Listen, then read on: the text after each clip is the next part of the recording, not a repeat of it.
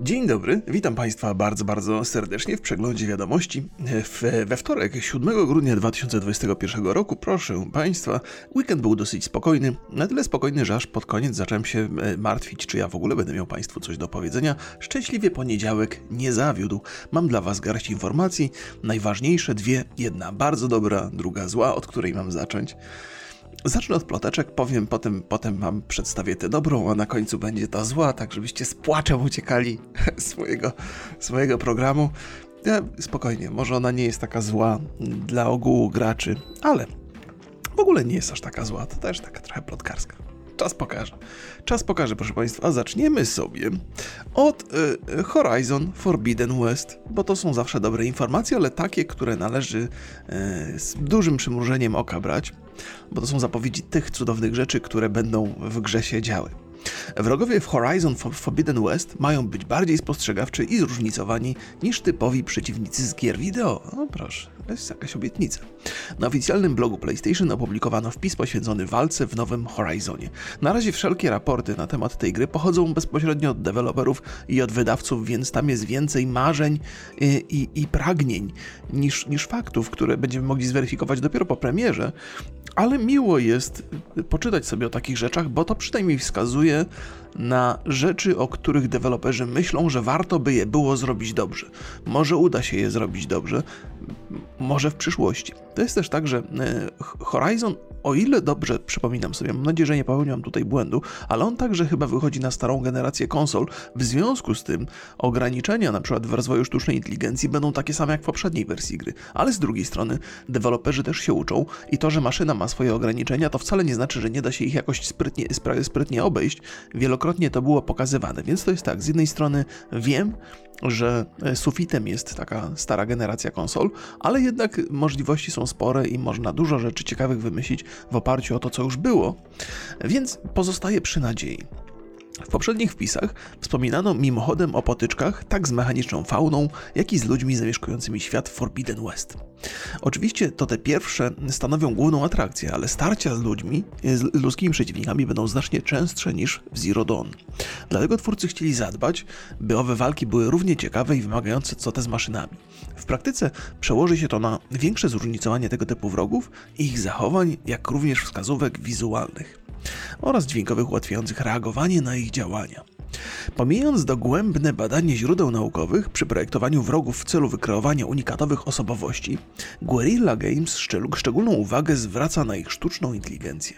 Ludzie będą dostrzegać takie rzeczy jak strzała lądująca w pobliżu, czy pokonane przez nas maszyny a jeśli w trakcie walki zgubią protagonistkę, natychmiast rozpoczną skoordynowane poszukiwania w grupie.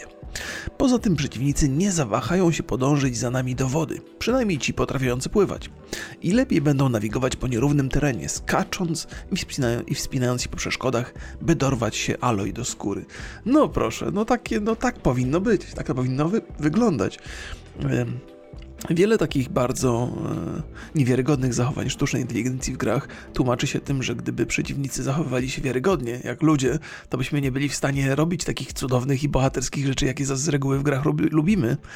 E, ja, ale ja nie mam nic przeciwko temu, bo dzisiaj, w sensie, nie mam nic przeciwko temu, żeby ta sztuczna inteligencja była bystrzejsza, bo dzisiaj e, możliwości sterowania postacią, zwłaszcza w takiej grze jak Horizon, są na tyle duże, że można sprawnie uciekać, sprawnie walczyć, to wszystko zostało bardzo sensownie zrobione, więc jeżeli dobrze wykorzystujemy te umiejętności, to jesteśmy niezniszczalni tam totalnie, nawet na wyższych poziomach trudności, więc nic nie stoi na przeszkodzie, żeby przeciwnik także stał się bystrzejszy i, i sprytniejszy. I, I, na to czekamy. Chociaż chyba nie ma szans, choć bardzo byśmy chcieli, by sztuczna inteligencja była w stanie symulować ludzkie zachowania. To zawsze jest coś takiego, do czego powinniśmy podchodzić właśnie z pewnym dystansem i trochę uruchamiać wyobraźnię podczas tych gier. To chyba jeszcze nie są te czasy i to jeszcze nie są takie maszyny, które są w stanie symulować zachowanie człowieka w sytuacji zagrożenia w sposób wiarygodny. Ja nie wiem, czy to kiedykolwiek będzie możliwe, więc proszę Państwa, niezależnie od tego, ile macie lat, jakżeście bardzo e, zęby na grach zjedli, to musimy e, podchodzić do sztucznej inteligencji e, w sposób wzbogacający ją przez naszą, naszą wyobraźnię. Musimy trochę udawać ciągle, my gracze, że jesteśmy w światach. Eee, fantastycznych. Oczywiście bohaterka nie okaże się bezbronna. Będzie miała większe doświadczenie w walce niż w Zero Dawn. A gracze otrzymują do dyspozycji nowy system ekwipunku i umiejętności pozwalające jeszcze bardziej dostosować styl gry pod własne preferencje. To, to wraz ze zwiększoną mobilnością Aloy sprawi, że będziemy mogli podchodzić do starć na wiele sposobów. E, Forbidden, Forbidden West zadebiutuje 25 lutego 2022 roku. Na razie nic nie wskazuje na to, że premiera miała być przesunięta, więc kawka, e, więc y, trzymam kciuki. Trzymam kciuki jak najbardziej. No jak, jak to się stało, że ja kawkę źle zrobiłem? Chyba musiałem starego mleka użyć, nie do wiary. A, bo może Państwo nie zauważyli, bo to nie było elementem wstępniaka. Kawa mi nie wyszła, co mi się rzadko zdarza. Nieważne. Idźmy dalej, idźmy dalej po ploteczkach. Tym, tym razem w kwestii Dragon Age 4, być może o nim jeszcze wspomnimy dzisiaj, ale Dragon, Dragon Age 4 raczej nie pojawi się na The Game Awards. Przypominam, że Game Awards będę retransmitował u siebie na Twitchu, więc zapraszam Państwa serdecznie. 9 grudnia się odbędzie impreza. E, późnym wieczorem. Pozostająca w produkcji czwarta odsłona cyklu została ogłoszona 3 lata temu, podczas wydarzenia The Game Awards 2018. Jak dobrze wiemy, tegoroczna odsłona TGA zbierze się wielkimi krokami. Dlatego też część graczy ma nadzieję na nowe wieści dotyczące prac, prac nad Dragon Age 4. To jednak mało prawdopodobne. No tam się dużo rzeczy, yy, dużo rzeczy się podziało. Dyrektor kreatywny zmienił pracę. To jest taki projekt, w którego wierzę bardziej niż w Antema, w sensie, że nie powtórzą błędów Antema, tym bardziej, że to będzie rozgrywka single player jednak skupiona wokół tego. Ale no to jest BioWare. BioWare, no, no okej, okay, no musi zapracować sobie ponownie na, na zaufanie. A propos tworzenia nowych światów i historii, wiecie, że nadal ciężko pracujemy nad kolejną skupioną na doświadczeniu jednoosobowym przygodą spod znaku Dragon Age. Jesteśmy podekscytowani perspektywą nadchodzącego roku, kiedy będziemy mogli powiedzieć wam więcej o tym, co robimy, czyli no, za rok się dowiemy dopiero, ale to może być ściema, to może być, proszę Państwa, taki, taki mrugnięcie okiem, a nie spodziewacie się, ale teraz, no tak wam mówimy, żebyście się nie spodziewali, to tak jak ja, e, nie wiem, przed urodzinami moich dzieci mówię, byłyście niegrzeczne, byliście niegrzeczni, nie będzie żadnych prezentów, a potem niespodzianka, nie no tak nie robię, tak to, to nie byłoby właściwe podejście do wychowania. Ale, ale możliwe, że, że, że twórcy Dragon Age właśnie taką decyzję podjęli. Czas pokaże. Chciałbym zobaczyć coś niecoś, ale przede wszystkim to chciałbym zobaczyć dobrą grę. W dniu premiery, co nie jest takie oczywiste w dzisiejszych czasach. Wręcz powiedziałbym, że jest absolutnie nieoczywiste i potwierdza to projekt Icarus. Premiera gry Icarus, czyli nowego survivalu twórcy Daisy, okazała się sukcesem kasowym. Gra jednak zbiera słabe oceny, głównie z powodu problemów z wydajnością.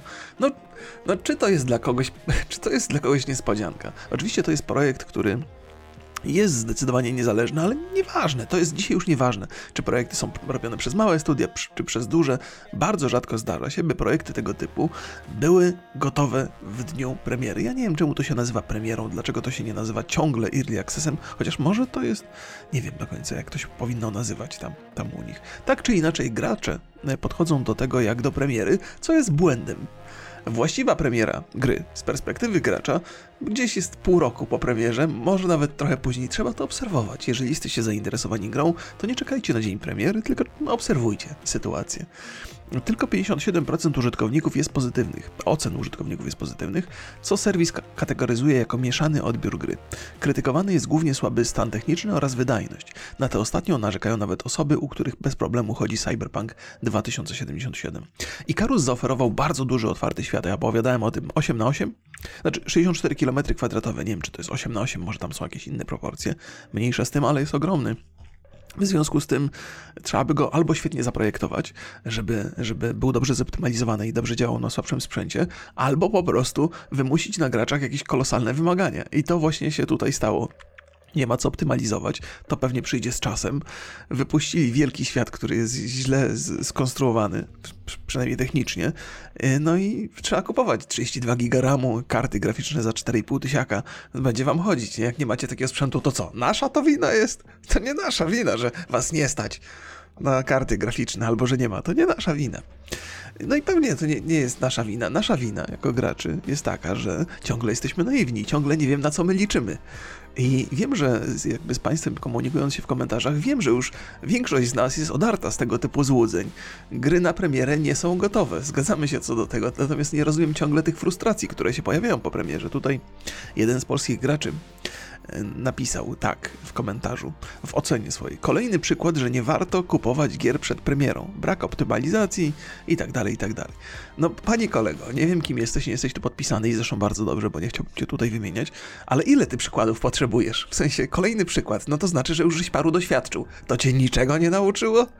To jest można kupować taką grę na premierę, bo chcemy takich doświadczeń. Są ludzie, którzy uwielbiają takie tego typu gry, ale oni nie powinni oczekiwać, że to będzie super świetnie działać. No nie, to, to, jest, to jest ta jedyna rzecz, bo nie, trudno mieć, w ogóle każdy robi jak chce, każdy gracz kupuje wtedy grę, kiedy ma na nią ochotę, ale musi się z, jakby musi rozumieć, z jakimi konsekwencjami to się, to się wiąże. I oczywiście, że to jest złe podejście. Ja nie powinienem tutaj trochę podśmiewywać się z graczy, którzy nie są zachwyceni, bo powinni wiedzieć, czego się spodziewać.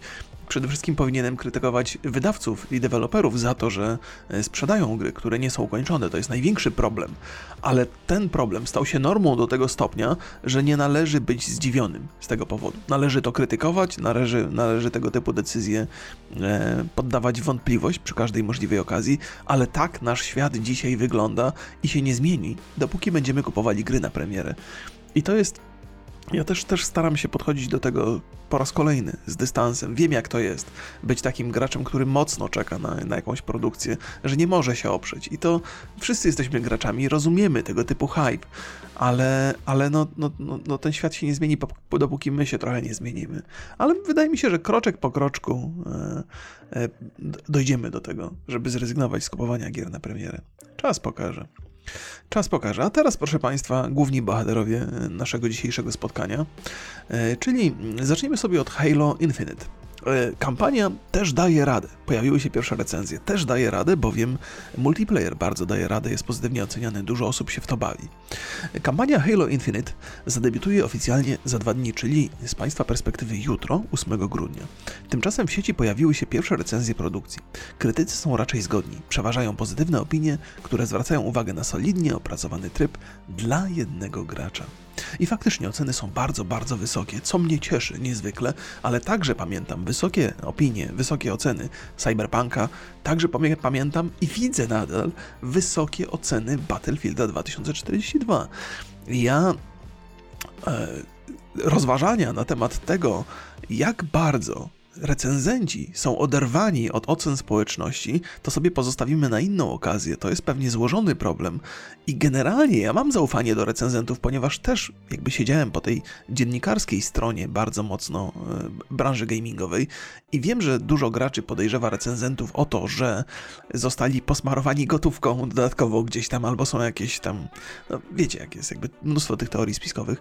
Ja jestem przekonany, że tego typu rzeczy się nie dzieją, natomiast wiem jak wygląda podejście twórców gier do tych, do tych dziennikarzy, do tych ludzi, którzy oceniają, nawet do youtuberów. Tam atmosfera, która jest na takich eventach jest super pozytywna.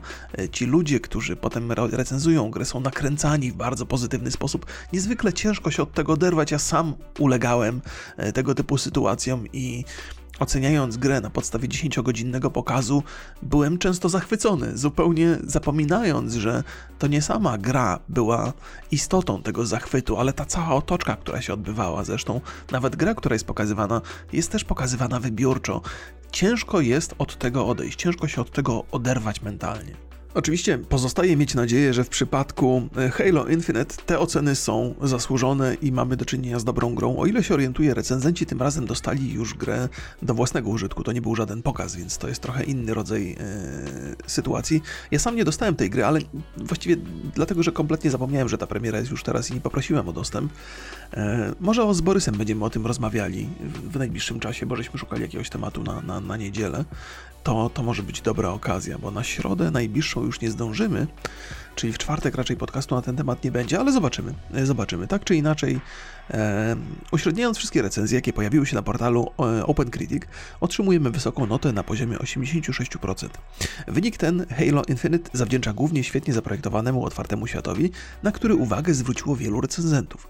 Poza tym chwalona jest fabuła która stanowi kontynuację wydarzeń z Halo 5 Guardians. Zdecydowanie na plus zaliczyć też trzeba dynamiczny system walki, który spodobał się dużej grupie recenzentów. Jeśli zaś chodzi o to, co w tegorocznym Halo nie zaskoczyło, ciężko jakieś jednoznaczne wskazania. W recenzjach przeplatają się mniejsze bądź większe narzekania na misje poboczne, czy też na zbyt małą liczbę walk z użyciem pojazdów. No, mi osobiście to niespecjalnie przeszkadza, ja tam nie lubię z pojazdami, ja lubię, ja jestem piechociarz. Finalny wniosek jest więc jeden. Studio 343 343 Industries wykonało bardzo dobrą robotę, tworząc prawdopodobnie najlepszą strzelankę tego roku. Kampania Halo Infinite zaliczy swoją premierę już 8 grudnia, a zagracie w nią na PC ekskluzywnie na Xboxach. I faktycznie bycie najlepszą strzelanką tego roku to chyba nie jest wysoko postawiona poprzeczka, prawda? Musiałbym sobie przypomnieć, mam nadzieję, że nikogo tutaj nie krzywdzę, żadnego dewelopera. Ale proszę Państwa, sukcesy ewentualne Halo Infinite Infinite nie są takie Halo, Halo, nie są takie oczywiste i nie byłyby takie oczywiste, gdyby nie być może drobne wydarzenie, jakie miało miejsce podczas procesu tworzenia gry, a wydarzeniem tym była premiera Antema, która trochę naświetliła problemów. Halo Infinite okazało się świetnym tytułem, lecz było bliskie porażki niczym Anthem. Wszystko przez zakulisowy chaos i ciągłe zmiany na stołku reżysera. Oj, tam się działo. Opowiadałem ostatnio o Halo i mówiłem, że tutaj te zmiany, które, które się pojawiły, akurat wyszły produkcji na dobre, co się rzadko zdarza. E, ale powiedzmy, że to nie jest do końca e, właściwe zdanie. E, powinienem powiedzieć, że mimo tych wszystkich problemów, grę udało się doprowadzić do końca, najwyraźniej do pozytywnego zakończenia, a mogło się to potoczyć w każdą możliwą stronę. To jest też ciekawa okazja do, do innych rozważań. O zakulisowych problemach gry BioWare, czyli o Antemu, Antema, dowiedzieliśmy się już po jej premierze. Światło na tę sprawę rzucił Jason Schreier, który opublikował obszerny artykuł punktujący wszelkie złe decyzje podjęte w trakcie produkcji. Okazało się, że twórcy nie mieli wyraźnej wizji, czym właściwie miał być Antem, jak wyglądałby gameplay, a nawet jak ostatecznie brzmiałby tytuł. Nie pomagał przy tym nieprzemyślany wybór silnika Frostbite, przepychanki wewnątrz studia oraz ciągłe zmiany reżyserów. To Państwo powinni pamiętać bardzo dobrze. Teraz jednak Jason Schreier wspomniał w swoim artykule o całkowicie innym kontekście. Okazuje się bowiem, że jego tekst był wielokrotnie komentowany przez pracowników 343 Industries, którzy zwracali uwagę, że prace nad Halo Infinite wyglądały bardzo podobnie. To zaś mogło być bardzo niepokojącą wiadomością dla fanów oczekujących nowej odsłony serii. Ostatecznie okazała się ona świetną produkcją, czego jeszcze nie wiemy na 100%.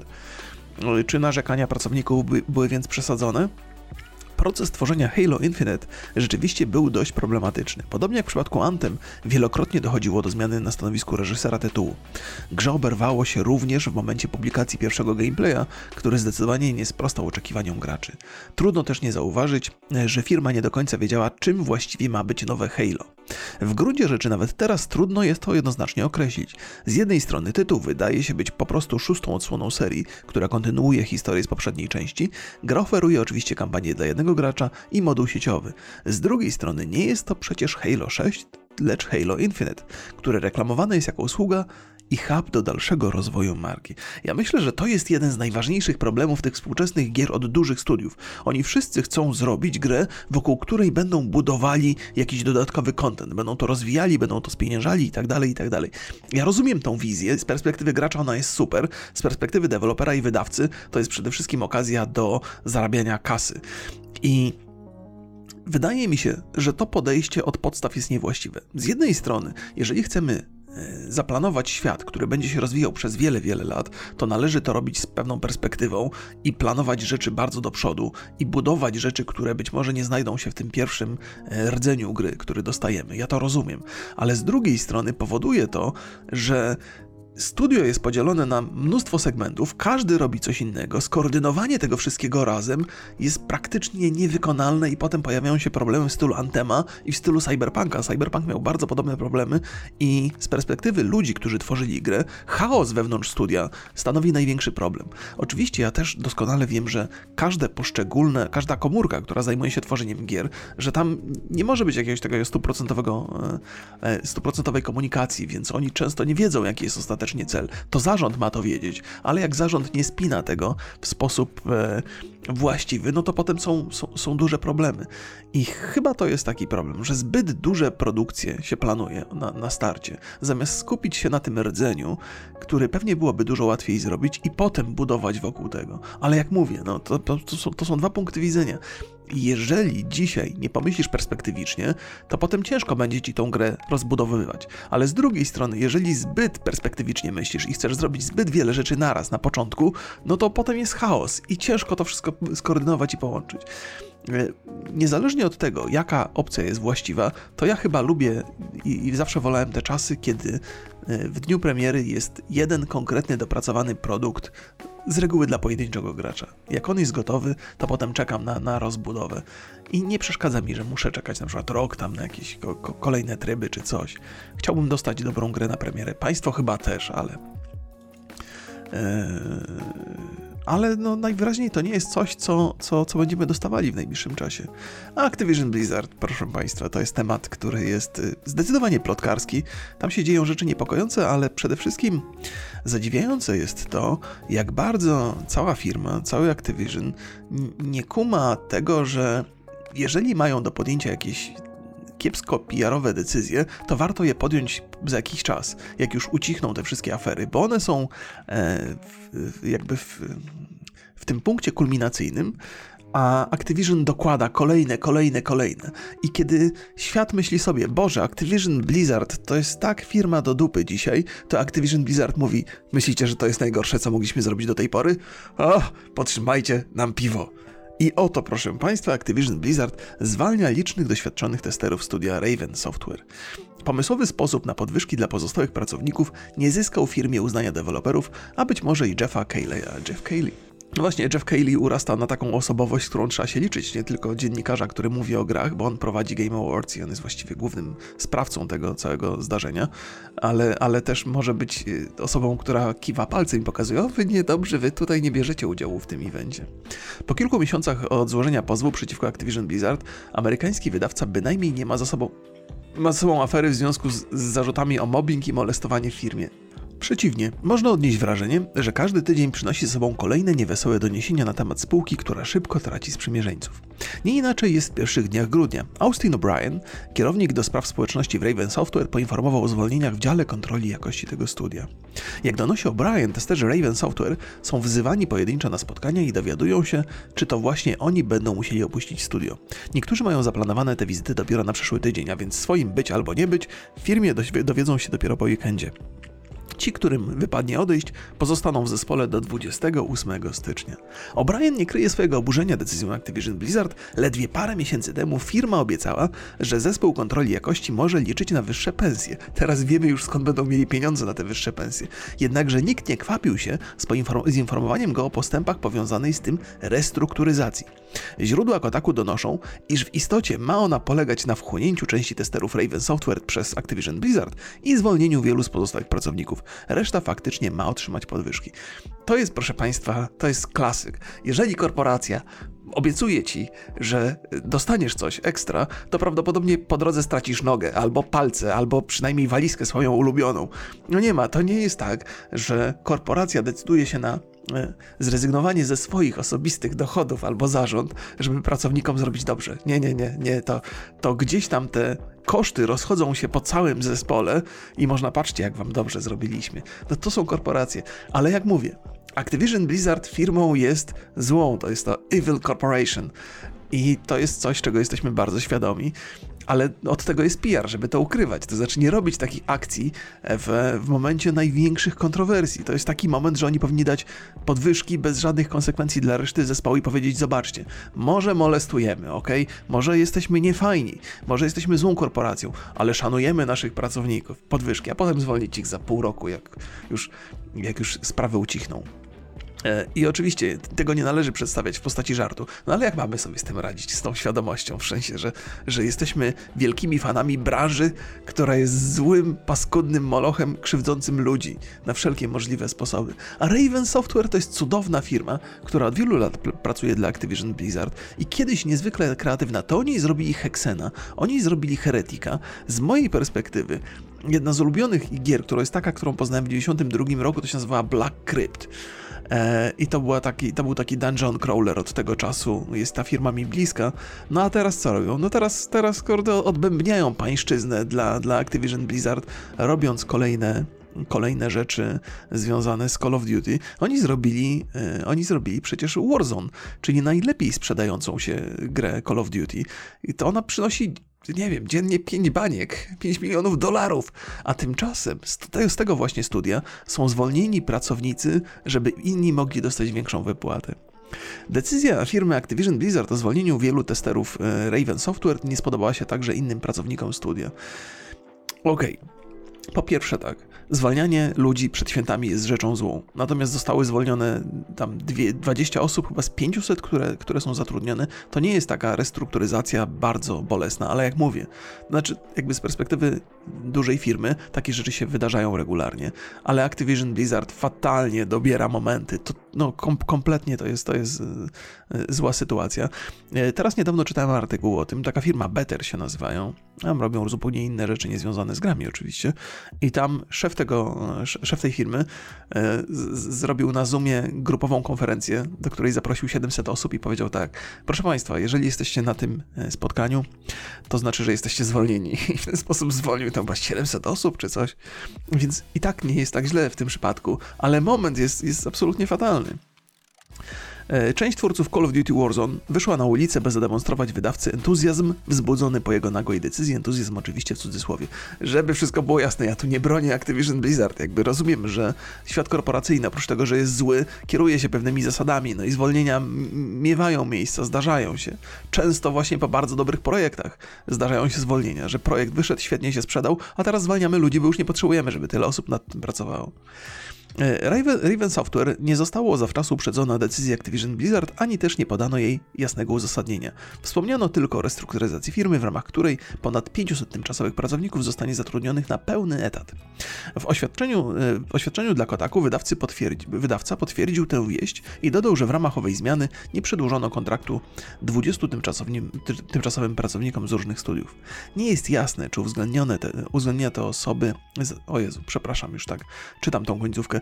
Tak czy inaczej, by podsumować to, co już wiemy, Dlaczego zwalniają? Nikt nie uzasadnia, że zwalniają, stało się faktem, że zwalniają na święta, także stało się faktem i, i to jest y, duży problem dla tych osób. Nie ma ich aż tak dużo, to nie jest, że całe studio zostało, zostało rozwalone i oczywiście te zwolnienia są nadmuchiwane bardzo mocno przez całe afery, które się dzieją wokół Activision Blizzard.